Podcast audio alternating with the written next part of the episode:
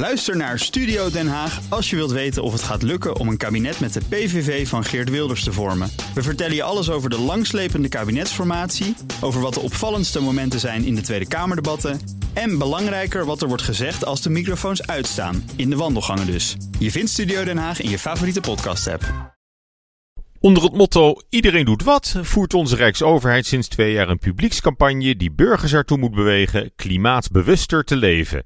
Isoleer je dak, neem een waterpomp, laat de auto af en toe staan, koop wat minder nieuwe spullen en eet wat vaker groente en fruit van het seizoen. Dat soort zaken. Het zijn zomaar wat aanbevelingen van de site, van wat jij en ik zelf kunnen doen om de opwarming van het klimaat te helpen tegengaan. Alle kleine beetjes helpen immers. En iedereen doet wat. Alleen het zeer voor de hand liggende advies om dan ook maar meteen wat minder vlees te eten, werd in de overheidscampagne bewust achterwege gelaten. Het ministerie van Economische Zaken en Klimaat schrapte die oproep na overleg met het ministerie van Landbouw. Bij EZ vonden ze het onderwerp vlees eten ineens politiek te gevoelig, zo schrijft de Volkskrant dit weekend. Terwijl de bovenmatige consumptie van dierlijke eiwitten een grote bijdrage levert aan de klimaatopwarming. Volgens dierenwelzijnsorganisatie Wakker Dier is minder vlees eten juist een van de beste dingen die consumenten zelf kunnen doen om klimaatbewuster te leven. En ze hebben gelijk.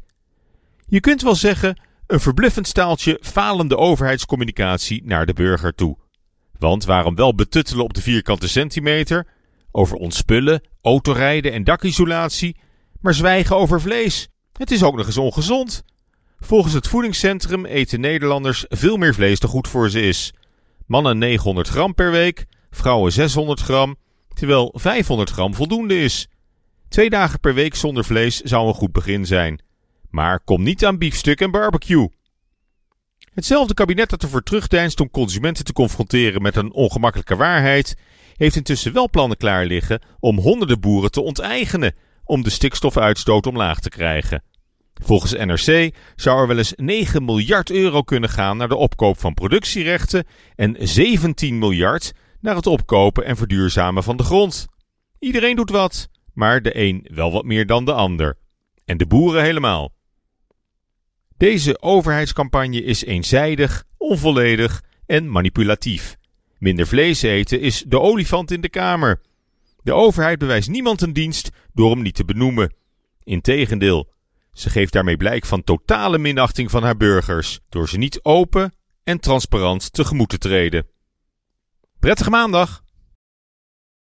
Ook Harm Edens vind je in de BNR-app. Je kunt BNR Duurzaam niet alleen live luisteren in de app, maar ook terugluisteren als podcast, zoals al onze podcasts.